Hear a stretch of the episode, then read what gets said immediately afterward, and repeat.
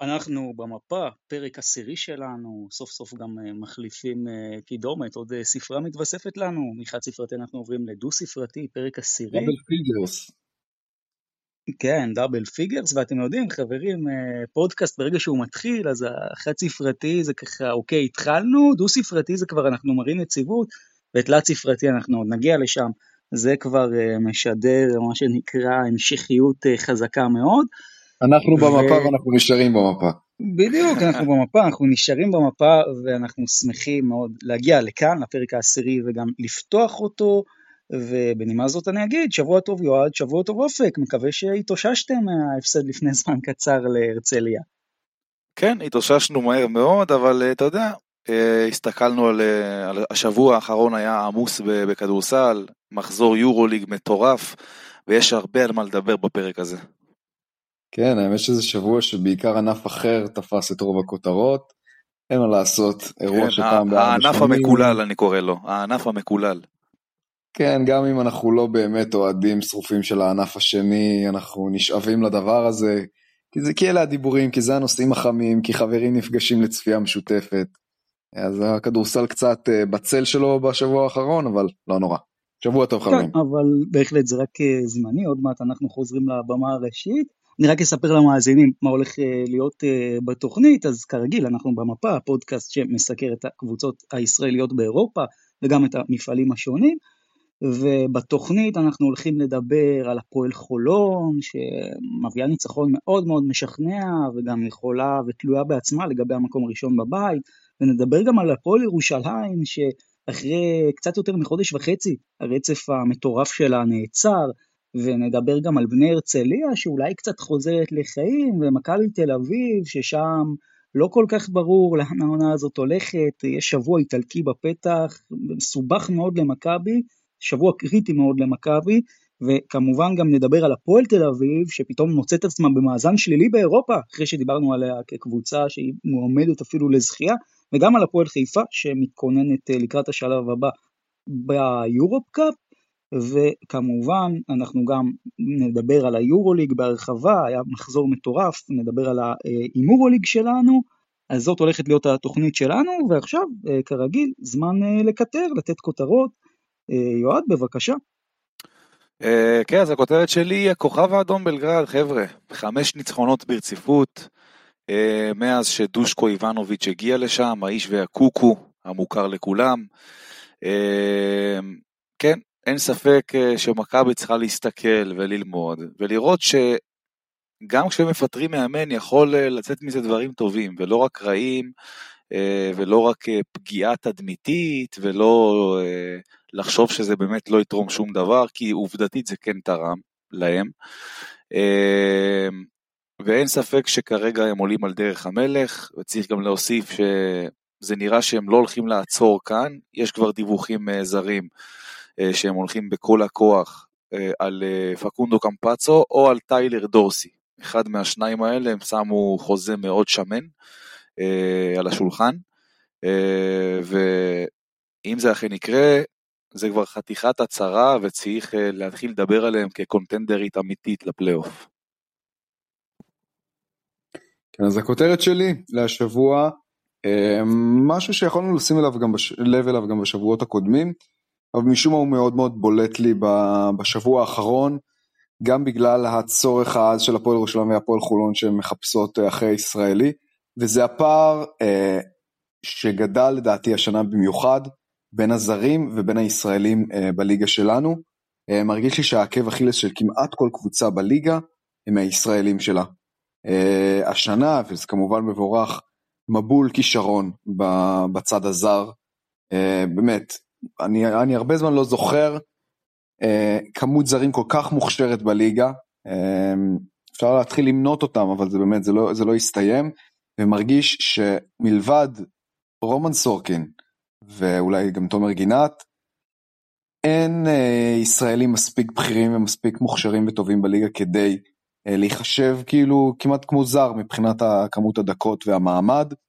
אה, אין מה לעשות, ארבעה מהישראלים הטובים ביותר אה, לא נמצאים בליגה, אבל אתה רואה כרגע את הפועל אה, ירושלים שכן איבדה את אה, נועם דוברת לעונה הקרובה, מחפשת בנרות כל ישראלי ואין מציאות. אני חושב שהמעמד של השחקן הישראלי הוא, הוא בעייתי, בעיקר ב, בליגה שלנו. והכותרת שלי היא הרכז הכי טוב בליגת האלופות, ג'ו רגלנד כמובן שובר את שיא האסיסטים במפעל בשבוע האחרון, במשחק מול הפולנים, מול ורשה, שבו חולון מנצחת 101-79, בהצגה 18 אסיסטים לג'ו רגלנד, וסוף סוף אנחנו מקבלים בעונה הזאת את ג'ו רגלנד, שגם מזכיר לנו את ג'ו רגלנד של סוף העונה הקודמת, וכרגע ג'ו רגלנד בכושר פנטסטי, ובקצב הזה, הפועל חולון בהחלט יכולה להגיע איתו רחוק מאוד באירופה, אז מבחינתי ג'ו רגלנד כרגע גם, כשאני מסתכל על המפעל, הוא פשוט הרכז הכי טוב במפעל הזה, וזה בהחלט נכס עבור הפועל חולון, שגם סוף סוף חוזרת לנצח, דיברנו על זה תוכנית קודמת, ובמעבר ישיר למה שאני אומר, חברים, בואו נדבר על הפועל חולון, אני ככה הזהרתי אתכם שיכול להיות משחק קשה בתוכנית הקודמת, אבל אולי אתם לא צריכים לשמוע על האזהרות שלי, כי הפועל חולון פשוט מגיעה למשחק מול ורשה בבית ושוחטת את ורשה, אין דרך אחרת לתאר את זה, משחק שכבר עבר את מחוזות ה-30 הפרש, הצגה של רגלן, 18 אסיסטים, ומה שהופך את הניצחון הזה לעוד יותר מתוק אצל הפועל חולון, זה שבעצם אה, אוסטנד מנצחת בטורקיה. את גלאטסראיי, מה שאומר שאם הפועל חולון תשכיל לנצח במחזור האחרון את אוסטנד, הפועל חולון גם תסיים במקום הראשון, וזה בהחלט איך שהפועל חולון רצתה וציפתה לסיים את הבית הזה, אז ניצחון ענק להפועל חולון. אופק, מה דעתך על הדרך שהפועל חולון עשתה במשחק הזה? קודם כל, כן, תודה רבה לגלת אסרי שבאמת אה, הרגיע את, ה... את כל מה שקורה כרגע בחולון, אה, והיא תלויה כרגע רק בעצמה. אה, לא, אין יותר משחקי טבלה, פשוט צריכה לנצח בשבוע הבא, אה, והיא תבטיח לעצמה את, ה... את המקום הראשון. היה אחלה של משחק, בחולון. עוד פעם, דיברנו כבר על רגלנד, אבל, אבל תראו את הדומיננטיות שלו, גם במשחק, על פניו אה, רגוע שלו מבחינה אה, התקפית, רק חמש נקודות, גם לא איים יותר מדי, לא הוכיח את עצמו, אבל וואו, זה לא רק ה-18 אסיסטים, יש שם חתיכת בעל הבית ש... ש... שברור לנו ש... שהוא לא לרמה הזאת. וכל רגע שהוא פה אנחנו צריכים להודות לו שהוא נמצא בישראל. אני חושב שאם אני מנסה לחשוב על, על התלות של, של, של הפועל חולון בג'ו רגלנד, לעומת תלות של עוד קבוצות בליגה, נגיד בג'ייקובן בראון או בלורנזו בראון, אני חושב שג'ו רגלנד הוא, הוא בטופ לדעתי. הקבוצה הכי תלויה בו, הכוונה. כן, אין ספק, הוא בטופ של התלות, אני מסכים איתך בקטע הזה, ואני חייב להגיד ש... תראה, כמו שאמרתי בשבוע שעבר, הפועל חולון באה ונתנה הצגה מהרגע הראשון, מהדקה הראשונה עד הדקה האחרונה. אה, משחק התקפה פשוט מושלם, וגם צריך להגיד שהפועל חולון קבוצה הרבה יותר טובה מוורשה. אה, וכן, וכמו שאמר אופק מקודם, מסתדר להם גם אה, על הדרך ההפסד של גלאטסראיי לאוסטנד. והם בפוזיציה מצוינת לסיים מקום ראשון ולקבל הגרלה נוחה. דרך אגב, מישהו יודע מתי נגמר השלושה חודשים של החוזה של ארי גרין? למה כן, אני מחכה לזה וזה לא מגיע. כן, האמת שרציתי לדבר על זה כי זה ממש ממש קרוב, וזה ממש כבר צומת שהפועל חולון כבר צריכה אה, להתחיל לחשוב מה היא עושה. לקבל החלטות. חתיכת כן. דילמה, חתיכת דילמה, וגם, מה אתם חושבים? אני חושב, אגב, גם צריך אה, להזכיר שעוד מעט אה, סי.ג'יי אריס חוזר, וזו עוד נקודה שאנחנו צריכים אה, לדבר עליה, לראות איך אה, משלבים את כל העניין הזה שם עם, עם השלישייה הזאת, אם רוצים להשאיר את ארי גרין, איך משלבים את אריס לתוך הסיסטם הזה עם רגלנד, עם גרין, ובשקט בשקט הם יכולים פה ליצור באמת שלישיית גארדים מאיימת ביותר, ככה משום מקום באיזה דרך, ובאמת יהיה מעניין מאוד לראות איך זה יתחבר שם העסק הזה. כן, אבל הם גם חייבים לעבות את הקו הקדמי אחרי שהם אני מסכים, אני מסכים, הם חייבים להביא גבוה, חייבים. אני לא, יודע, אה, אני לא יודע איך זה מתכנס כל הדברים האלה, וגם השכר של ארי גרין הוא מאוד מאוד גבוה אה, למה שהפועל חולון יכולה לשאת. זאת בוא, אבל בוא, השאלה בוא המרכזית, האם לחולון יש את הכסף? כי על פניו, חולון, ברור שהיא צריכה להשאיר את ארי גרין, אנחנו מדברים על זה כל תוכנית כמעט, על הסגל הקצר של הפועל חולון. אם זה היה תלוי רק בה, זה אין שאלה. זה היה תלוי רק בה, בכמה הוא שחקן טוב. אבל יש פה אני, עוד משתנים. אני, אני חושב שהם לא ייתנו לשחקן ברמה הזאת לברוח להם כל כך מהר מהידיים. אני חושב שהם יעשו מאמצים, את כל המאמצים בשביל להשאיר אותו. בהחלט, כי... אז מעניין לראות מה חולון תעשה. לא, לא תמיד יש לך כזה צ'אנס אה, להביא כזה שחקן אליך לשחק אה, ב-BCL, למרות שהוא קצת ב- בירידה לפני שהוא הגיע לחולון, אבל אה, עדיין, זה שחקן שאתה לא מוותר עליו בקלות כזאת. כן, אז uh, מעניין מאוד מה חולון תעשה עם ארי גרין. בואו נעבור לעוד קבוצה שמשחקת בליגת האלופות, הפועל ירושלים. אז הרצף המשוגע של הפועל ירושלים, שבעצם אה, אמצע אוקטובר לא הפסידה, נעצר במשחק אה, בנס ציונה. אה, חבריי אוהדי הפועל ירושלים יכעסו על מה שאני הולך לומר עכשיו, אבל תרגיעו חברים עם הביקורת לשופטים, זה נכון, לא הייתה שם עבירה בסוף, אבל הפועל ירושלים לא הפסידה את המשחק בנס ציונה רק בגלל שיפוט, כשאתה עושה 8 מ-15 מהקו, וכשאתה מגיע רק עם רכז אחד למשחק, תשאל את עצמך איך בכלל הגעתי לסיטואציה הזאת. והפועל ירושלים חברים יוצאת למשחק ביום רביעי מול אה, לודוויסבורג, משחק ממש על החיים באירופה, הפועל ירושלים אמנם הבטיחה עלייה, אבל היא רוצה כמובן לסיים כמה שיותר גבוה, אולי כבר העפלה אוטומטית, אולי מקום שני מתרון באיטיות, היא לא רוצה להגיע למקום השלישי, וזה משחק שאם הפועל ירושלים תפסיד בו, היא מאוד מאוד תסתבך, כי הרי בקנבירס היא נמושת הבית ועוד לא ניצחה אף קבוצה, ואז בעצם אם הפועל ירושלים מפסידה ללודוויסבורג, אז המצב שלה הולך להיות בעייתי מאוד עם הפסד כפול, והשאלה שלי חברים, איך הפועל ירושלים יכולה להגיע הכי טוב למשחק מול לודוויסבורג, והאם היא צריכה לשנות משהו, אה, או שלדעתכם מה שקרה בנס ציונה זה סך הכל מהמורה קטנה בדרך, הקבוצה פשוט צריכה לזרום כמו שהיא זרמה עד עכשיו. אני חושב שתכלס כן, כאילו, המשחק בנס ציונה היה ונגמר, צריכים להסתכל קדימה ולראות איך באים באמת למשחק מאוד מאוד קשה נגד קבוצה טובה מאוד. אה, תשמע, היא לא מה שהיא הייתה עונה שעברה, אה, לודוויסבורג, אבל עדיין היא קבוצה טובה, מאומנת, ממושמעת, עם שיטה, אה, שיהיה מאוד קשה לנצח, בטח בחוץ. דרך אגב, היא ניצחה השנה בארנה, נתנה חתיכת הצגה, כבר המשחק הגיע למחוזות ה-20 הפרש. אה, ככה שקל זה ממש לא יהיה. אה, אבל כן, הפועל ירושלים תצטרך למצוא פתרונות, אה, פתרונות באמת בשביל לקחת שם את המשחק הזה, כי זה משחק שיכול להיות באמת מפתח להמשך העונה ולמיקומים שהפועל ירושלים תסיים ולהגרלה שהיא תקבל. תראה, המשחק של לודוויסבורג ניצחה בארנה זה המשחק המפורסם של ה-1 מ-24 ל-3, אני מניח שהפועל ירושלים לא תופיע בצורה שהופיע בארנה במשחק ההוא.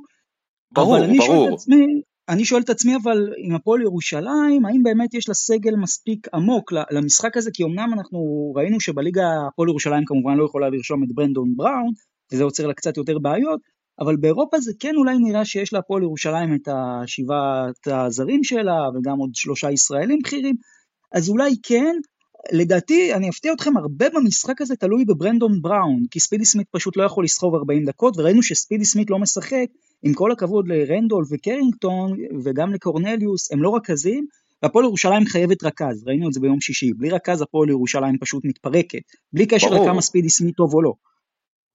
במיוחד שאין עכשיו את נועם דוברת, אה, שתכלס עכשיו הפועל ירושלים מחפשת לו איזה מחליף.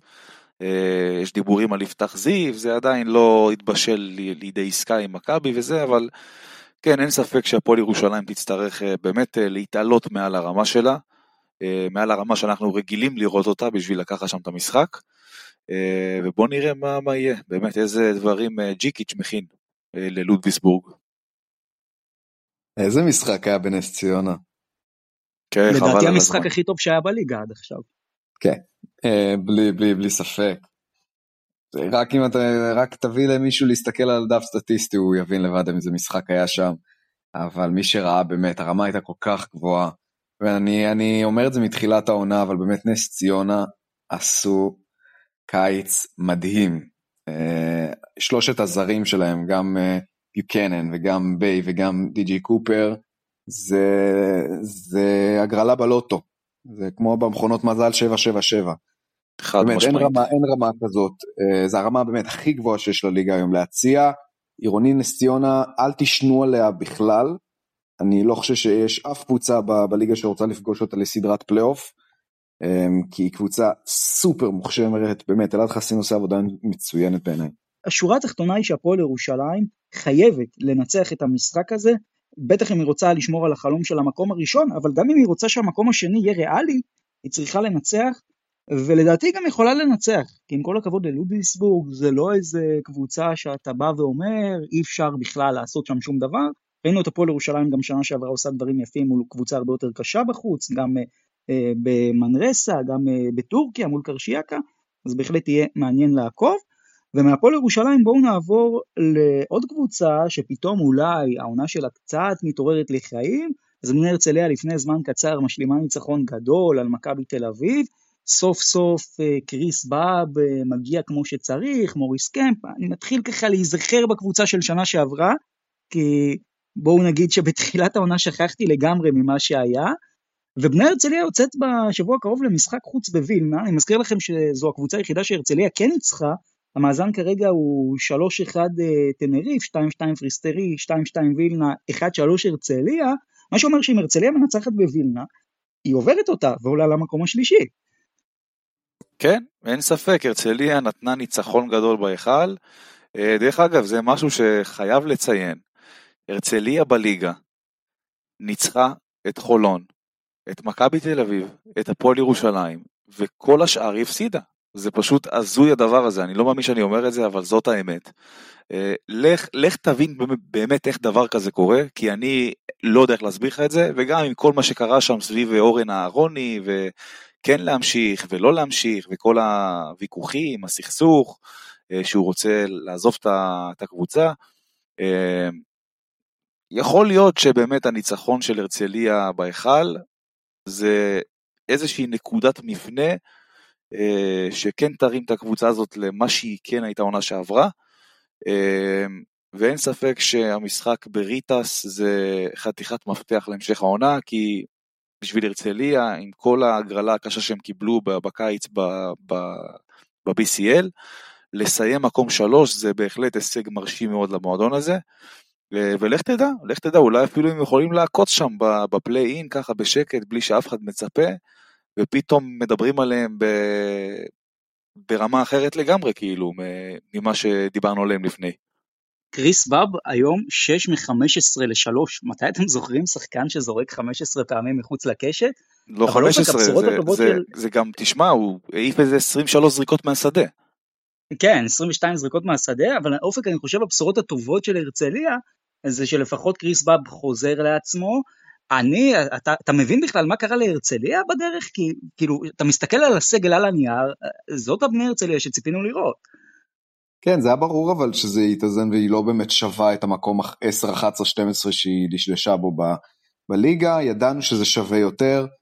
בסדר, אה, לפעמים יש פתיחות עונה קצת אה, יותר שוקיסטיות, אה, אני בטוח שניצחון כמו שהיה להם בהיכל, זה מסוג הניצחונות שמשנים עונה. האווירה שם, אתה ראית את האווירה בסוף המשחק, אווירה של איזה יוצאים לדרך חדשה מסוימת. אה, בוא נראה, אולי זה באמת ימשיך, אה, ימשיך את הקו גם באירופה. מגיעים למגרש לא קל, קהל ליטאי, ריטס קבוצה טובה, מרקוס פוסטר, משחק לא, לא, לא קל שיהיה לה, אבל כן, אנחנו יודעים מה, מה שווה קריס באב. ידענו את זה כבר עונה שעברה, ואנחנו יודעים איזה גאנר ברמות הכי גבוהות הוא, אז כן, לפעמים הוא, יש לו סטטיסטיקה שהוא זורק 23 זריקות מהשדה, אבל זה הסוג אה, שחקנים האלה. אני גם חושב שיש לו אישור לזה. אתה מנצח איתו או שאתה מפסיד איתו, כן, ברור שיש לו אישור, זה ברור שזה הקבוצה שלו, הוא הכוכב הבלעדי, ואם שנה שעברה עוד היה את אונואקו שאיכשהו נהיה alpha male בקבוצה, כריס באב הוא alpha male אה, בקבוצה הנוכחית, והוא מרשה לעצמו, אמ, הוא שחקן מאוד מאוד מוכשר, וזה, וזה הסוג שחקנים. הם יעיפו לך כשהם יכניסו אתה תצעק יש, כשהם יחטיאו אתה, אתה תתפוס את הראש, אבל אתה תבלע את זה, כי זה, זה הסוג סגנון שחקן. דברו איתי על מוריס קמפ, איזה שחקן זה מוריס קמפ? שחקן נהדר. מוריס קמפ שחקן מצוין, אין ספק, אבל uh, אתה יודע, זה לא השחקן הכי מוכשר, אבל כשאתה צריך אותו הוא יהיה שם בשבילך. יעיל, יעיל, יעיל. יעיל מאוד. תנועה ללא כדור, שחקן הגנה מצוין. אה, ריבאונדר מצוין, לוחם, לוחם אמיתי. כן, אחלה מוריס קמפ. טוב, אני אשאל אתכם לסיכום רק שאלה אחת, אתם חושבים שהרצליה הולכת לנצח בווילנה, או שלדעתכם עדיין לא? אני לא יודע. אני אלך איתם, אתה יודע, אני אאמר על הרצליה. ימשיכו את המומנטום מה, מהמשחק בתל אביב. לא, אז אני האמת שאני אלך עם ריטס, אני חושב שההבדלי כישרון הם עדיין יותר גדולים מזה. במשחק חוץ קשה, אני, אני אלך עם ריטס וילנה, ואני חושב שזה יהיה סוף הסיפור של בני הרצליה במפעל. גם לי קשה להאמין שהרצליה תעשה שם ניצחון, אני כמובן רוצה לקוות, אבל קשה לי להאמין, אני גם חושב שווילנה תנצח. יחד עם זאת, צריך לומר, גם אם הרצליה מפסידה, וטנריף מנצחת את פריסטרי, עדיין הרצליה, אם היא תנצח את אה, פריסטרי ביותר הפרש ממה שהיא הפסידה בחוץ, בבית, שזה איזה 17 הפרש אם אני לא טועה, אז היא תוכל לעלות, אבל אה, בסדר, זה, זה המצב של הרצליה, שלא באשמתה, דרך אגב, זה בית המוות. אני חושב שבכל בית אחר הרצליה היה, הייתה עולה. בואו רגע נדבר על הקבוצה שהייתה היום ממול הרצליה, מכבי תל אביב. בואו דווקא נתחיל אבל מהמשחק הזה, מהרצליה. מכבי תל אביב מפסידה עוד פעם בליגה, עוד פעם ביד אליהו, אה, מתחיל אה, להיווצר פה איזשהו משבר גם בליגה? מכבי תל אביב לא הופיע למשחק היום. אתה לא, לא רואה את זה לשפת גוף של השחקנים, הם לא באו בשביל לנצח, ראו את זה מהרגע הראשון. אפס מאמץ בהגנה, אתה לא רואה שום, שום אה, מאמץ, אפילו בהתקפה, אתה יודע, הכל שם, הכל שם איטי, הכל שם עומד, אפס תנועה, נותנים כדורים לשחקנים לאחד על אחד שיעשו משהו. ובאמת, מכבי לא, לא הופיעה למשחק הזה, אה, והקבוצה שרצתה יותר ניצחה. אה, ושוב, צריך להגיד, מכבי חטפה שוב קרוב ל-100 נקודות, זה כבר נהיה נוהל, אנחנו מדברים על זה ככה באהלן אבל זה כבר נהיה נוהל. 100 נקודות פה, 100 נקודות שם. אה, וצריך להגיד שאני גם אמר, אני כמובן גם אמרתי את זה מההתחלה, בסופו של דבר, השפת גוף של השחקנים היא השפת גוף של המאמן. כמו שהמאמן נראה, ככה השחקנים נראים. אה, אני מסתכל על מאמנים כמו דיאן רדוניץ' מפנתנאיקוס, תראה איך הוא זז, תראה איך הוא משתולל על הקווים, עוד מאמנים אחרים שזזים על הקווים, אמוציונליים. בסופו של דבר, השחקנים צריכים לראות את המאמן שלהם גם, מכניס בהם טירוף, נותן בהם אנרגיה, אפילו לפעמים גם צועק עליהם. אה, וזה לא קורה, זה במכבי פשוט לא קורה. אה, ובאמת אני חושב שצריכים לחשוב פה על שינוי. אתה יודע, אתה מדבר על המאמן, אני דווקא רוצה להחזיר אותך לרגע ביום חמישי במשחק מול ולנסיה, שמכבי תל אביב מנצחת אותו, נותנת קצת אוויר לנשימה לעצמה. אגב, לדעתי אחד מהמשחקים הגרועים שראינו ביורוליג, זה היה, היה... זה היה משחק מכוער מאוד, אין ספק. כן, כן, זה מה שנקרא כדורסל מכוער, אבל העיקר הניצחון, אבל אני רוצה להחזיר אותך לרגע שעודד קטש מכניס את דרון איליארד, כל הקהל כמעט נעמד על הרגליים, מוחא כפיים, זה איזושהי סוג של מחאה נגד קטש? אני לא יודע אם זה מחאה, אם לקרוא לזה ככה, אבל זה די uh, מראה מה הקהל חושב על כל העניין הזה. כן, מה אתם חושבים בכלל על הסיפור אבל של איליארד? כי הוא מתפתח פתאום למדעים אחרים. הראה נאמנות לקהל, אה, כלומר גם, ב, גם הוא העלה ציוץ נוסף שמתייחס אה, לקהל, הקהל אוהב אותו, תחושה שנגרם לו עוול מסוים, וכן, באו להרים אותו, ראו את זה עוד אה, לפני שחיקת הפתיחה, כשעוד uh, היו את השירי שחקנים שהאוהדים uh, של מכבי נוהגים לעשות, ראו שהייתה אווירה מיוחדת כשזה הגיע לדארן היליארד. כן, ואני בהחלט מסכים איתך אופק, לדעתי נגרם פה איזשהו עוול לדרון היליארד, אנחנו היום בעולם של רשתות חברתיות, בעולם של חופש ביטוי, אז הבן אדם צייץ איזשהו ציוץ שהיה אפשר לעשות לו פרשנות, בואו נתקדם, בסוף מה שמשנה זה מבחן התוצאה, אבל עדיין, אם אני חוזר רגע למכבי תל אביב, אז תסכימו איתה, הקבוצה פשוט נראית מזעזע, היא לא נראית טוב, היא לא מוציאה לפועל את מה שהיא צריכה להוציא, וגם שחקנים פתאום כמו דרון איליארד, כמו אדמס, כמו אולינס, זה מתחיל להרגיש גם שיש דברים שהם לא טובים בחדר ההלבשה, שאולי קצת דורכים על שחקנים. אני חושב, אני אפתיע אתכם, אני חושב שזה שבולדווין הולך להיעדר, זה דבר שעוזר למכבי תל אביב, כי סוף סוף באמת העומס, הפקק הזה שיש בקו האחורי, שיש שבעה שחקנים על שתי עמדות, שזה קצת too much, זה לדעתי דווקא יעזור למכבי ויעזור לאיליארד להביא את עצמו יותר לידי ביטוי ויעזור לאדמס. מצד שני למכבי אין את אחד ממנהלי המשחק הכי טובים שלה, בעצם יש שניים כאלה שזה בולדווין ולורנזו, והשאלה איך מכבי נגיד לדעתכם לקראת השבוע הכפול במילאנו צריכה להיערך, דווקא לשחק יותר מהר, לשחק יותר איטי, כי בסוף אנחנו נגיד ראינו היום את המשחק, זה בעיקר הסתמך על שלשות של אדמס ואיליארד, ובסוף זה לא הספיק מול הרצליה. קודם כל תראה, אה, יש ביום שלישי משחק נגד מילאנו. עכשיו צריך להגיד, מילאנו לא תיתן לך לרוץ. כמובן שנגד קבוצה כמו מילאנו אתה חייב לשחק מהר, כי לשחק איתי אה, והתקפות עומדות זה בדיוק הקצב שלהם ולשם הם גם יכוונו. מכבי תהיה חייבת לרוץ כמה שיותר. עכשיו אתה יודע, גם בשביל לרוץ צריך סטופים הגנתיים. בינתיים אני לא רואה, סטופים, אני לא רואה שום סטופים הגנתיים ממכבי. אה, אבל אתה יודע, מילאנו זה קבוצה שקולעת 67 נקודות אה, למשחק. ואיזשהו שיא יישבר. אני לא יודע איזה שיא, אבל, אבל יהיה שיא שיישבר. או שמכבי תנצח לראשונה בחוץ, אה, או שמילאנו תקטע את הרצף הפסדים שלה. אה, ואפילו אולי... לראשונה בבית. ונכון, ואולי גם, אה, ואולי גם תשבור שיא נקודות עונתי, מי, מי יודע. וגם, כן, דרך אגב, אני חייב לציין משהו, שבוע שעבר מכבי תל אביב קיבלה 98 נקודות במינכן. במחזור האחרון, מינכן קולעת 53 נקודות בלבד בבסקוניה, שהיא אחת מקבוצות ההגנה הפחות טובות שיש ליורוליג להציע. אה, אתם נראה לי אמורים לבד להבין מה זה אומר. כן, אני חושב שהייתה איזו תקווה שאולי היה איזה שינוי בהגנה של מכבי במשחק מול ולנסיה. בסך הכל אה, כנראה בטוח המשחק ההגנתי הכי טוב של מכבי העונה באירופה. אה, הכריחה את ולנסיה ל-21 עיבודים.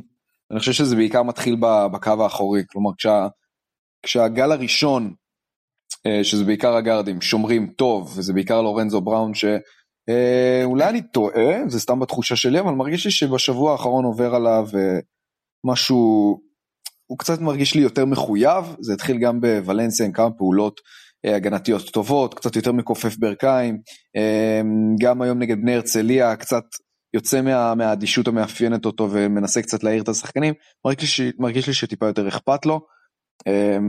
אבל באמת, בגלל שהקו הראשון של הגארדים מנע מוולנסיה להגיע לפואנטות מאוד, אה, מאוד מהירות אה, ולחדירות קטנות, אז לא היה את הציפופים, ולא היה הוצאות החוצה ושלשות קלות, וזה גרם למשחק ההגנה של מכבי להיראות אה, יותר טוב.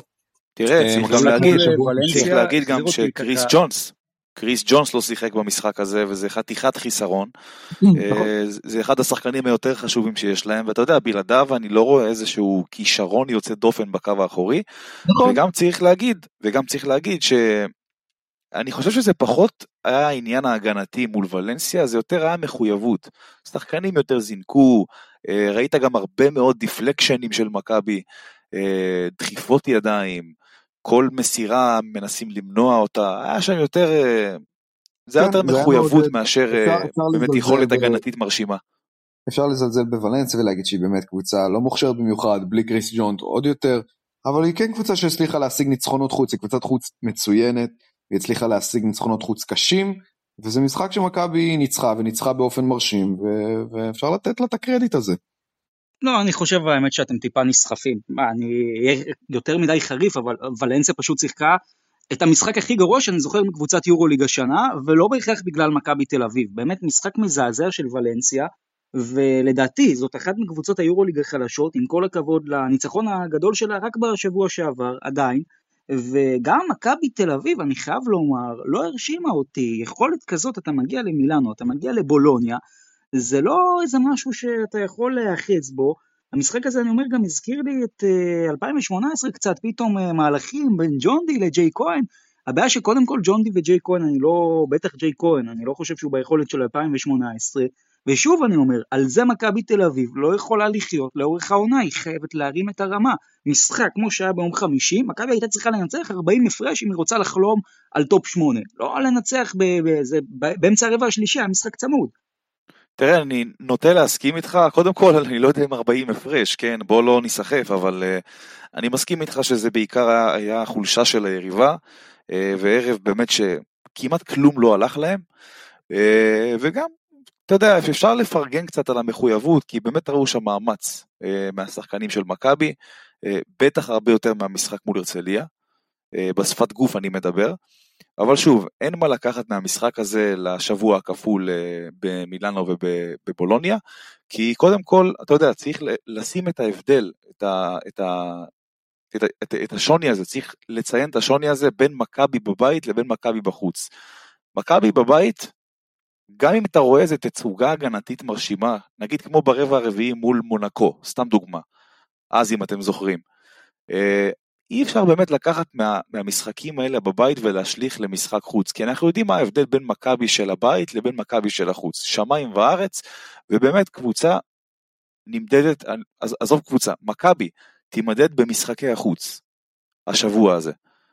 שם באמת אתה כן. תראה איפה, איפה, אתה, איפה אתה עומד, אה, ואני חושב שזה שני משחקים, אתה יודע, יש שבועות כפולים שאנחנו אומרים, אפשר להסתפק באחד משתיים, אתה תחיה עם זה, זה בסדר, אפשר לתקן. אני לא חושב שזה המקרה אה, בשבוע הזה, אני חושב שפחות משתיים משתיים, זה כבר מתחיל להיות בעייתי, אבל בוא נראה מה יהיה. בוא נראה מה יהיה. אתה מגזים, אתה מדבר על קבוצה שלא ניצחה בחוץ, שתיים משתיים. אני מסכים איתך, לחלוטין מסכים איתך, אבל אני חושב שברגע שאתה מסתכל על מכבי, שאתה יודע, שואפת להגיע לפלייאוף אחרי הכל, על עם כל ההפסדים האחרונים שהיא חטפה בחוץ, ל, ל, לשתי הבלגרדיות, לביירן, אני חושב שב...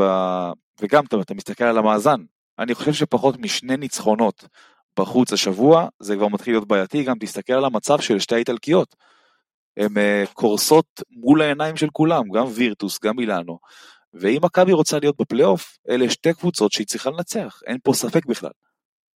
שבוע מאוד מאוד מכריע, כלומר, uh, החבל מתחיל להתהדק על הצוואר של קטש, הפציעה של בולדווין, החיסרון של פויטרס. אה, מכבי מאוד מאוד דלה בקו הקדמי, הדקות המרובות לג'יי כהן הם קצת uh, בלית ברירה. אנחנו רואים שניבו לא מצליח uh, להתעלות ולתפוס את המקום של הגבוה הבכיר. אני רוצה לקוות ש, שזה מה שיגרום קצת לרומן סורקין עוד יותר לפרוח בעונה טובה שלו. אה, אני רוצה לקוות שכמו ש, כמו ש, כמו שהקלישה אומרת שאין ואקום בכדורסל, והחיסרון של בולמן כמו שאמרת דרור באמת יגרום לשחקנים כמו אדמס וכמו היליארד, שדרך אגב לגמרי יכול להוות כמוביל כדור uh, שני, uh, ושיותר התקפות ילכו אליו, ושלא רק יהיה התחנה האחרונה קצ'ן שוט בפינה, יכול קצת להעלות לו את הביטחון ולהעלות לו את המעמד. שבוע מאוד מאוד מכריע, אני רוצה לקוות שמכבי אני לא, יהיה לי מאוד מאוד קשה לי להאמין ש, שעוד שני הפסדי חוץ. Uh, מתישהו הרצף הזה צריך להיקטע.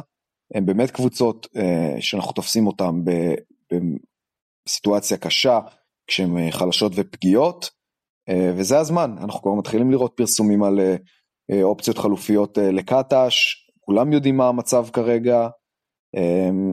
עוד שבוע, בפרק הבא, אנחנו נדע הרבה דברים. אני לא מסכים איתך. יודע, זה מרגיש לי שקטש קצת יותר יציב ממה שאנחנו חושבים.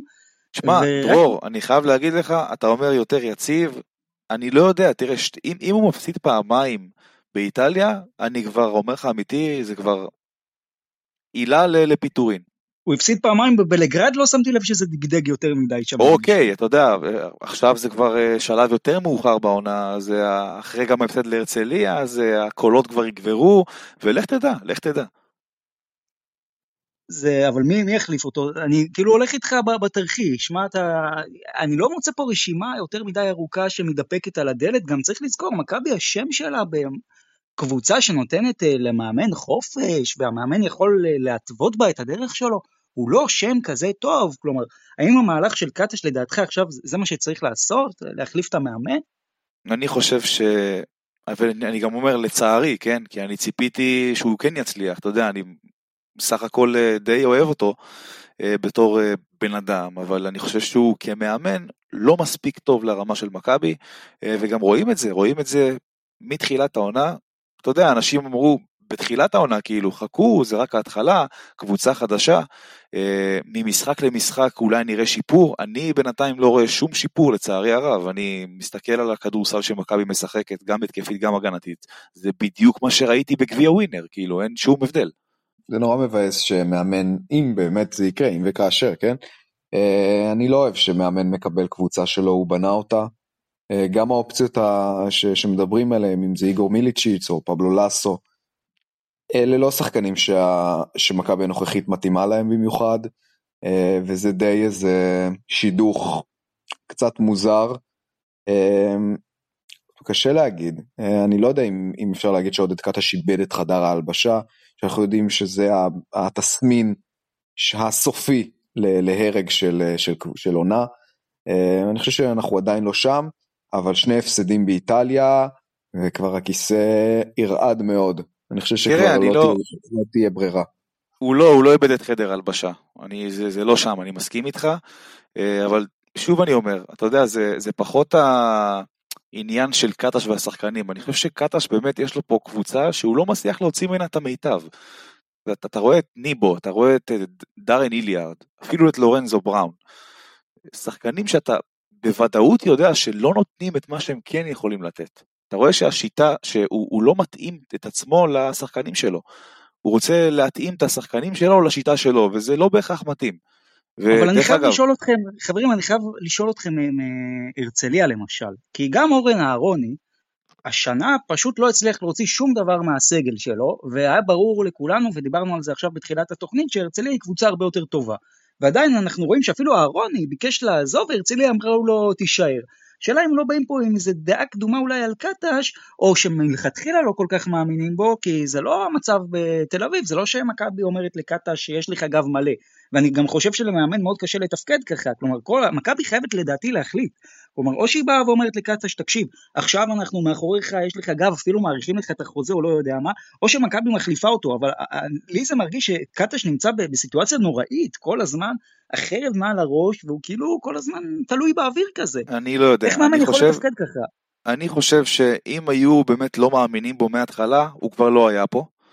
זה א', אה, אני גם רציתי לענות לאופק בקשר למה שהוא אמר מקודם, על זה שהוא לא אוהב שמאמנים מגיעים לקבוצה שלא הם בנו. אה, תשמע, דושקו איבנוביץ' הגיע לקבוצה שלא הוא בנה, ותראה מה קרה שם, אז אתה יודע, הכל צריך לקחת בפרופורציות, ויש פעמים שזה, אה, שהשינוי הזה מתבקש, ויש פעמים שהוא לא מתבקש. היו שנים במכבי שהשינוי לא היה מתבקש, אבל ספציפית השנה, אני חושב שהוא, שהוא כן מתבקש, והוא רק יכול לתרום לקבוצה. אה, ודרך אגב, צריך להגיד, מההתחלה, אני לא אגיד לך שהוא הגיע, אני מדבר על קטש, כברווז צולע מההתחלה, אבל אנשים די פיקפקו בו, כאילו, אני לא מדבר על הנהלה או, או מכבי כמועדון, אבל אני יכול להגיד לך שאוהדים, אוהדים של מכבי, מההתחלה לא היו כל כך מתים על הרעיון הזה. לא, אני, אני חייב לומר לך יותר מזה, אני מסכים, אני חושב שקטש אה, לא מאמן, כמו שאמרת, ברמה למכבי, אתה יודע, אם אני שופט את כל מה שהוא עשה, ואת כל מה שהוא מביא, אני חושב שקטש הוא סקאוטר מעולה, לדעתי אולי אחד הסקאוטרים הטובים באירופה, לראיה אגב הקבוצה שנבנתה השנה, אבל כמאמן, כמנהל משחק, אני חושב שהוא פחות טוב. מצד שני, לא אני מיניתי את עודד קטש, ומי שמינה אותו, אני מצפה ממנו להכריע בסוגיה הזאת, כלומר, או לחתוך ולומר לקטש, תקשיב, יש לך גב מלא ואתה פה עד סוף השנה, או לבוא ולהחליף, אבל אתה לא יכול לשים את הבן אדם באוויר כל הזמן, זה פשוט לא לעניין לדעתי. אבל בואו נשים דברים על השולחן, זה ברור שזה בגלל שהפרסונה שעומדת על הקווים זה עודד קטש, מאמן ישראלי, שיש לו לא מעט כישלונות ברקורד, אה, תשים פרצוף אחר על הקווים של מכבי תל אביב, עם אותו מאזן, עם אותם משחקים אותו דבר, רק אה, מישהו בקליבר קצת יותר גבוה, במעמד יותר גבוה, סביר שלא היינו בכלל מדברים על פיטורים. קל לנו להיטפל לקטש, כי אנחנו מכירים את המגרעות שלו, אה, כי הוא ישראלי, אה, כי כמו, כמו שאמרתי, יש לו הרבה כישלונות גם במכבי וגם בקבוצות אחרות. אמ, אני חושב שמכבי פשוט, אתה אומר, צריכה לבוא ולהגיד לו, אנחנו איתך מאחוריך, אבל הם לא מרגישים את זה. אולי דרך אגב, זה אחת הבעיות של מכבי כמועדון, שהם לא יודעים לגבות uh, עד הסוף. אתה חושב שבקיץ באמת הם בחרו בעודד קטש ב, בלב שלם? ברור שזה היה ברירת מחדל, ברור שהיו ספקות לגבי זה, זה לא היה קונצנזוס בהנהלה, uh, ואמרו, טוב, זה כנראה הכי הכי טוב שיש לנו כרגע. כן, וזה אגב אולי, מה שאמרת עכשיו, אולי עונה לך לשאלה מהתוכנית הקודמת, למה מכבי תל אביב לא מצליחה בשנים האחרונות להגיע לאן שהיא הגיעה, לאן שהיא הרגילה אותנו בעצם, למקומות שהיא יכולה להגיע. אה, זה נקודה למחשבה, אבל בואו נעבור בעצם לאחד הדברים הבאמת מרהיבים שהיו, שזה המחזור האחרון ביורוליג, לדעתי המחזור הכי טוב שהיה מבין כל המחזורים עד עכשיו, מלבד המשחק של מכבי שלא היה איזה משחק מעניין ממש, כל משחק בצבע, וואו, אני, אני לא יודע מאיפה להתחיל, אתם יודעים מה, בואו נתחיל דווקא מהיריבה הבאה של מכבי תל אביב, מילאנו, אז סוף סוף מילאנו מגיעה למשחק שהיא מובילה בו, אפילו ב-15 הפרש כבר, אבל פנטינאיקוס עם שלוש ריצות של 10-0, 9-0, 7-0, פשוט כל פעם נוגסת עוד קצת בפער עד להערכה. אני מקווה שאתם יושבים חזק ולא תיפלו מהכיסא, אבל הריצה של פנטינאיקוס משלוש דקות לסוף הרבע האחרון עד סוף ההערכה זה 25-5. כלומר התפרקות מוחלטת של מילאנו, מה עוד אפשר להגיד? אנחנו כל תוכנית דשים בזה, אבל זה מרגיש שפשוט מילאנו כל פעם מצליחה להפתיע אותנו עוד יותר. כן, אני, קודם כל אני מקווה שזה יקרה להם גם ביום שלישי, זה אחד. שתיים, אה, תשמע, זה כבר לא אמור להפתיע, זה מרגיש כמו מגמה כבר אה, ממשחק למשחק, שהם סוחבים את זה על הגב, את הקוף הזה, ולא יכולים להוריד אותו מהגב. אה, אבל תראה, בגדול, הם נתנו שלוש רבעים מצוינים באולם קשה מול קבוצה טובה, אה, אבל שוב גם צריך להביא פה את הקרדיט לפנתנאיקוס שידעו לנגוס בהפרש, הראו אופי מדהים, דוויין בייקון, איזה שחקן, שמע, זה, זה, זה, אני קורא לו הלברון של היורוליג, הוא עושה מה שהוא רוצה, לא משנה מי שומר עליו, יודע לסחוט את הפאולים, חודר לסל, הוא פיזי, הוא חזק, אה, גם מקבל כבוד מה, מהשופטים, ובאמת, מהרגע שפנתנאיקוס החתימה אותו, זה סיפור אחר לגמרי, אז כן צריך להביא פה את הקרדיט גם ליוונים במקרה הזה, אה, ומילאנו תגיע ביום שלישי למשחק מול מכבי בידיעה שאם את זה היא מפסידה, אז אה, מה, מה עוד יישאר? אתם מבינים? זה כבר פה לא יהיה דרך חזרה, כי מכבי בדיוק נמצאת על התפר של השמונה תשע שם, ואם אילנו איכשהו חולמת על איזה קאמבק, זה צריך לקרות השבוע. אם זה לא יקרה השבוע, זה כבר לא יקרה בכלל, באופן סופי. אה, ואני כאוהד מכבי כמובן מקווה מאוד שהם לא יצליחו ומכבי תבוא למשחק הזה ותעשה מה שהיא צריכה לעשות אם היא רוצה להיות בפלייאוף אה, ותיקח אותו. כן אנחנו כבר בשליש עונה אנחנו זה הזמן עובר מהר אבל כבר שליש עבר. אה, אז כן מילאנו עוד מחזור שהיא לא יכולה להרשות לעצמה עוד מחזור ועוד הפסד אם היא רוצה באמת לעשות פלייאוף ושהעונה הזאת לא תיזכר כאחת הגרועות בטח בעשור בעשור האחרון שלה. אה, לגבי דוויין בייקון, זה מצחיק אותי, כי אני זוכר שרדוניץ', כשעוד היו את השמועות, אם, אה, אם דוויין בייקון יגיע לפנתנייקוס או לא, אז הוא התראיין ואמר שהוא לא חושב שהוא כל כך מתאים לקבוצה, אתה חושב שהוא עדיין חושב ככה? זה אתה יודע, זה, אני חושב שזה דיבור של אה, מאמן שאומר לעצמו, בוא לא נקדים את המאוחר. למה הוא ידע שזה בטח עדיין לא סגור וזה, אז הוא ניסה קצת להתחמק, נתן תשובות... Uh, מתחמקות כאלה. אני דווקא חושב שזה היה אותנטי, אני חושב שהוא באמת חשב שזה לא מתאים לו, כי זה לא כל כך הסגנון שלו, אבל כשיש לך כזה שחקן מוכשר על השולחן, אתה לא אומר לו לא, אה, ועכשיו כולם שמחים כי זה הצליח. בואו, אה, אני אומר בואו רגע נתקדם אבל לאיטלקיה השנייה, לבולוניה. 46 אה, הפרש חברים, 46 הפרש, מה... ו-117. 117 נקודות, זה כבר עבר את ה-116 שמכבי חטפה בוויטוריה. גם על זה צריך לדבר. אני זוכר 50 הפרש של מכבי על פזרו ב-2005, אבל זה, זה לא הפערי רמות.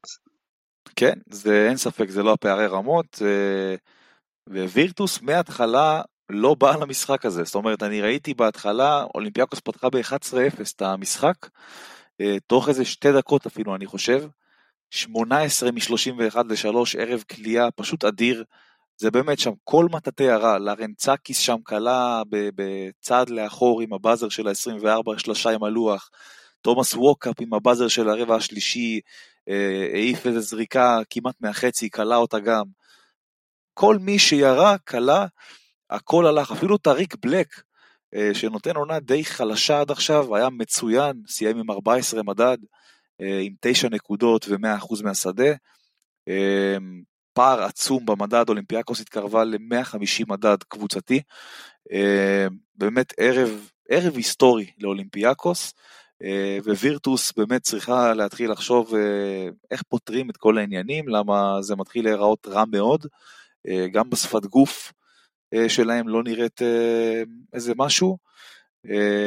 מילוש נראה כל כך, אתה יודע, דיברנו על זה עוד בתחילת העונה, מילוש נראה כל כך שבע כבר, אתה רואה שאין לו פשוט כוח לשחק כדורסל כבר. אתה יודע, זה מילוש והכל, אבל אתה יודע, גם השחקנים הכי גדולים אה, אומרים לעצמם, אה, די, כמה אפשר, אני עייף כבר, אה, והגיע הזמן לסיים את העניין.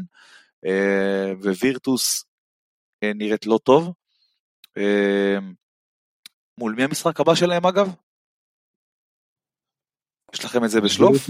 בקרוב מול אלבה ברלין. אלבה ברלין. לא בברלין. לא, באיטליה. באיטליה.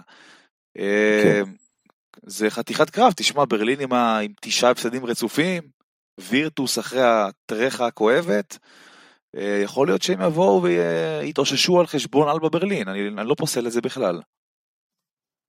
אה, כן, משחק מושלם של אולימפיאקוס. בכללי, ברסוקס מביא את אולימפיאקוס הנוכחית לקבוצה שמבצעת, באמת רמת הביצוע שלה היא פשוט מושלמת.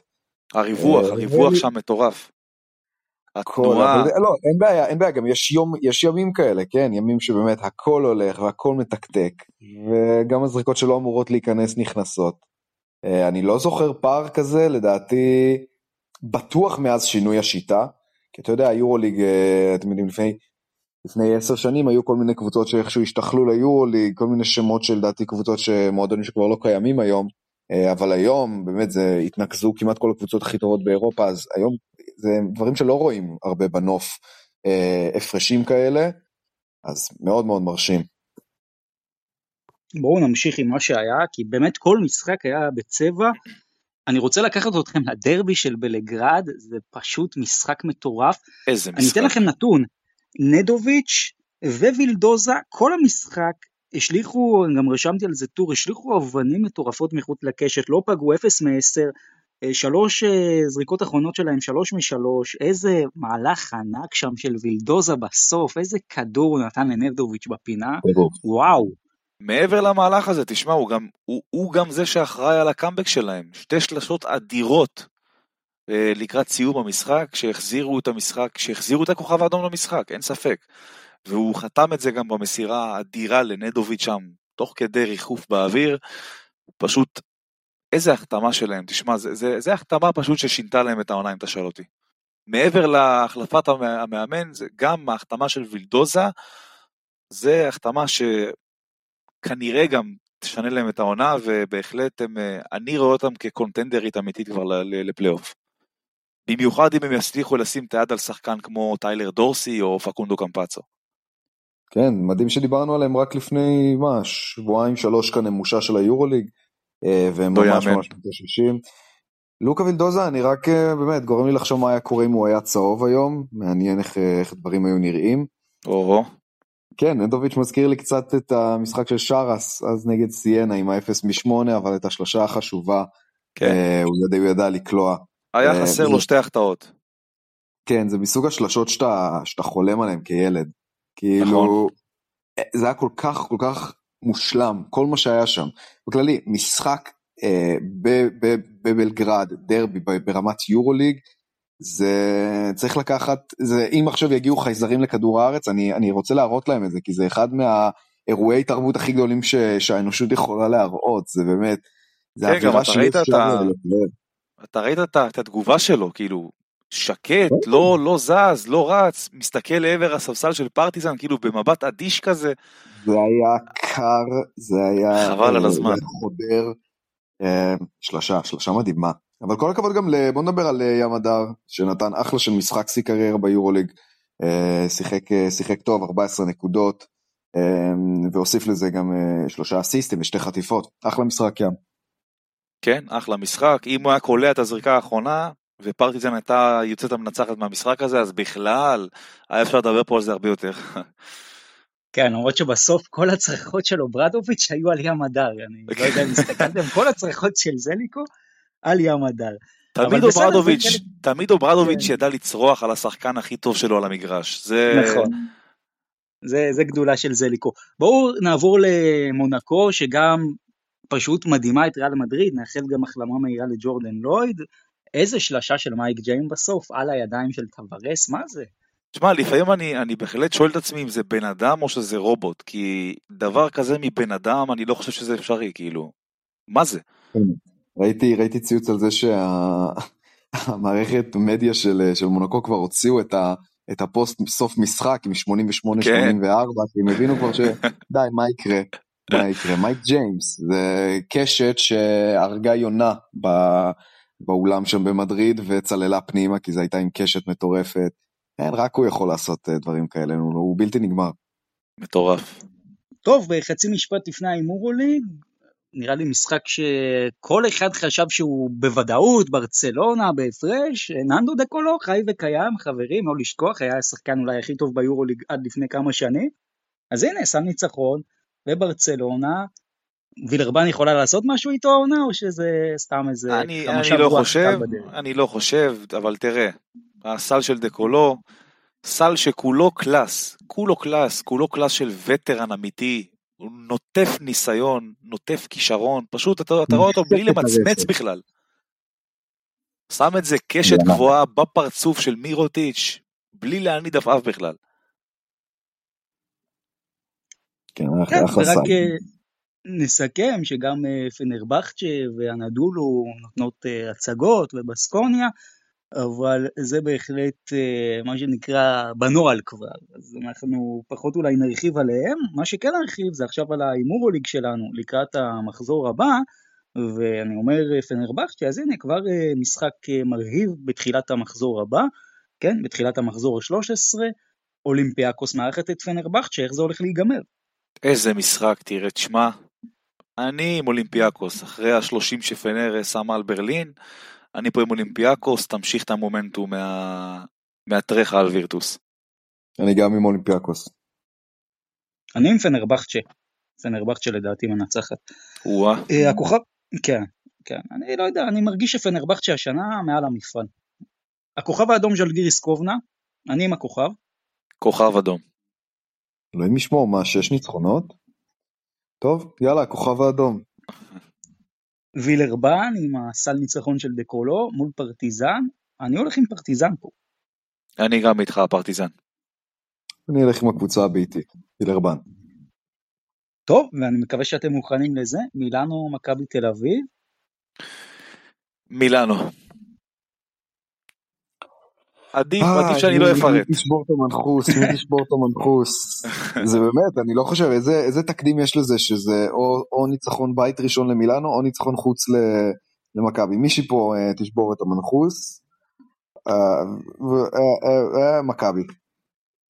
אני מילאנו. אני חושב שמילאנו תנצח. ביירן מינכן ריאל מדריד, זה מבחינתי התוצאה המפתיעה של המחזור, אני חושב שביירן לוקחת בבית. או-אה, אז לא, אני עם אה, ריאל מדריד, במיוחד אחרי המשחק האחרון נגד מונקו. כן, אני גם עם ריאל. ולנסיה פנטינאיקוס? ולנסיה. פנתנייקוס. וואה. קל אפילו. קל? כן. אני לא יודע אם קל, אבל בסדר אם אתה אומר. אני גם מסכים עם אופק. אני הולך עם פנטינאיקוס בדו ספרתי לדעתי. פנטינאיקוס נראה מעולה. כן. כן. הנדולו בסקוניה. הנדולו קל. עוברים את ה-200 נקודות משותפות? לא, הגזמתי 200, הגזמתי, 180. לרקין משחק כבר, נכון? לא, הוא נפצע עוד לא פעם, יודע, לצערי הרב. נפצע עוד פעם, אה, ושוב, אף אחד לא יודע מתי הוא יחזור באמת. טוב, אם לארקין, בלי לארקין זה לא משנה, לדעתי אפשר גם לקחת לאנדולו חצי סקל, היא עדיין תנצח, אני קצת מגזים, אבל באמת אנדולו יש להם כישרונות ש... לדעתי כל משחק אם אתם פייבוריטים. חד משמעית. אז אני איתם, מונקו ברצלונה, וואו. אה, מונקו. חתיכת משחק.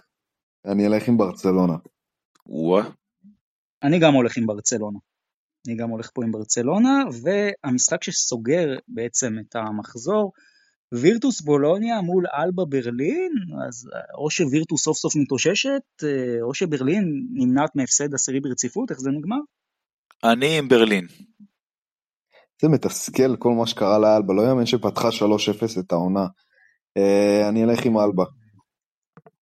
אני הולך עם בולוניה. אני חושב שבולוניה בבית, ובכל זאת הסוס השחור שלי, שנראה כרגע כמו נמושה שחורה, אבל אה, אני עם בולוניה. אז זה ההימורוליג שלנו, תנו לנו גם את שלכם בתגובות. ומפה בואו נעבור ככה לקראת סוף התוכנית לשתי אדומות, גם הפועל תל אביב, גם הפועל חיפה. נתחיל בהפועל תל אביב. אז תוכנית קודמת שאלתי אתכם האם ניפחנו יותר מדי את הבלון של הפועל תל אביב, התלבטנו, לא ברור מה קורה, כי היא מפסידה גם בחוץ בהמבורג, זה כבר משחק שאתה לא בא ואומר היא מול גרן קנריה, היא מול המבורג, מביאה הרבה מאוד אוהדים, הרבה מאוד קהל, צריך גם לפרגן לה על זה, אבל על הכדורסל פחות. אין ספק, תראה, הם באו ולא הופיעו, לא הופיעו הגנתית. אה, דרך אגב, תומר גינת, אה, שיא קריירה, 36 מדד ביורו-קאפ, אה, עם 24 נקודות כמובן. אבל כן, צריך להגיד, הפועל תל אביב לא הופיע למשחק הזה, למרות באמת הצגה של הקהל שלהם שם. אני הסתכלתי על התמונה הידועה עם האבוקות באולם, תמונה שרצה בהרבה מקומות והפתיעה הרבה אנשים, באמת הם נתנו שם הצגה, צריך גם לדבר על זה ולפרגן להם על ההופעה הזאת. אה, עם כל זה שאני מכביסט, אבל לפרגן אני תמיד, אה, אני אדע תמיד. אה, וכן, הפועל תל אביב עובר עליהם משהו, עובר משהו על הקבוצה הזאת. למרות שבליגה זה לא נראה ככה, אבל באירופה רואים שמשהו עובר עליהם. אתה רואה את ג'קובן בראון, זה לא ג'קובן בראון שמצפים לראות כולם, הוא הרבה יותר אדיש, הרבה יותר אני לא, יודע, אני לא יודע איך לקרוא לזה אפילו, אבל אני אגיד שזה לא ג'קובן בראון שכולם רוצים לראות וגם ציפו לראות. משהו לא עובד שם, משהו לא עובד שם, יכול להיות שיש גם קשר להצטרפות של אונואקו, המרקם די נהרס טיפה, אה, קצת יותר מדי, אה, קצת יותר מדי הרימו אפילו את האף, אם אפשר להגיד ככה, אני חושב שזה מה שקורה שם. אבל אני, אני ממשיך בשלי ואני אומר שעדיין הפועל תל אביב אחת הקבוצות הכי איכותיות ביורו-קאפ, אה, וכמו שאמרתי בפרק הקודם, לכל קבוצה יש תקופה רעה, אה, גם אחרי הפסד כואב כזה, אה, ואני מאמין שהם יתאוששו מזה בסופו של דבר. האם זה לא חיובי במידה מסוימת שאולי הפועל תל אביב הנוכחית תלמד להסתדר בלי אימא האבזה ג'קובן בראון ואולי זה בדיוק החבלי לידה של ה... אה, פתאום שחקנים ינסו למצוא את המקום שלהם בלי תלות מוגזמת בג'יי קולן בראון. אז נכון שעכשיו, אה, שעכשיו הם משלמים את המחיר, את המחיר של זה בהפסדים באירופה, אבל יכול להיות שבלונגרן זה, זה ישתלם להם. יכול להיות מאוד, יכול להיות מאוד. דרך אגב, אבל תשמע, אתה לא יכול לבוא למשחק חוץ, לחטוף 98 נקודות. אתה יודע, אני, אני אומר 90, אני כל כך מכיר טוב את המספר הזה, השנה, ספציפית, כן, שאני כבר אומר אה, שאתה באמת לא יכול לבוא ולחטוף 98 בחוץ. אה, ולהיראות ככה הגנתית, ועוד לצפות לקחת משחק. הגנתית הם יהיו חייבים להשתפר. כן, עם ההבזה הזאת, זה בינתיים מה שעושה את ההבדל אצל הפועל תל אביב, בין ניצחון להפסד. אבל יכול להיות, יכול להיות שבאמת הפועל תל אביב זה מה שהיא צריכה, יש לה ביום רביעי הקרוב משחק מול אה, ורוצלב הפולנית בבית, שזה באמת משחק שאם הפועל תל אביב אותו לא לוקחת, אז אולי אנחנו גם נתחיל לדבר אחרת. אז זה לגבי לא, הפועל לא, תל אביב. לא, הם ייקחו אותו, תשמע, הם ייקחו אותו. כן. היא לדעתי כן. לא ניצחה עדיין באירופה, לא? לא, היא לא ניצחה. ורוצלב לא, לא, לא ניצחה, נו כן. לא ניצחה, 0-7. כן. כן, אה, טוב, זה כנראה משחק קל, אבל הפועל תל אביב אה, עדיין צריכה להגיע אליו חדה. נדבר רק אה, לקראת פה ממש הסיום על הפועל חיפה, שמתחילה בשבוע הנוכחי את שלב הבתים השני של היורופ קאפ, הולכת לפגוש את בודיבל מקייב. לא משחק פשוט, לקייב יש שחקנים שאת חלקם אנחנו מכירים, כמו אנטוני ברבר, ארצ'י גודווין, ג'יראי גרנט, הפועל חיפה מגיעה למשחק הזה בפורמה טובה צריך להגיד, וצריך גם לפרגן, הפועל חיפה שהיא באמת אה, הישראלית הראשונה שעולה שלב, שמגיעה לסיטואציה הזאת, והפועל חיפה, חברים, בהחלט אנחנו נחזיק לאצבעות שהיא תצליח, וזהו, זאת הייתה התוכנית שלנו, תוכנית עשירית, אנחנו כמובן נהיה פה גם בשבוע הבא, יהיו גם עוד כמה הפתעות בדרך, רעיונות, דברים, יש מה לחכות, אנחנו גם בפייסבוק ובטוויטר, וכמובן כל פרק מעלים לספוטיפיי, וגם בקבוצות אה, בטלגרם ובוואטסאפ שאתם נמצאים, תמצאו אותנו שם, ושיהיה שבוע טוב אה, לכולם חברים. שבוע טוב שיהיה לכולם. בשורות טובות. חברים, ביי ביי.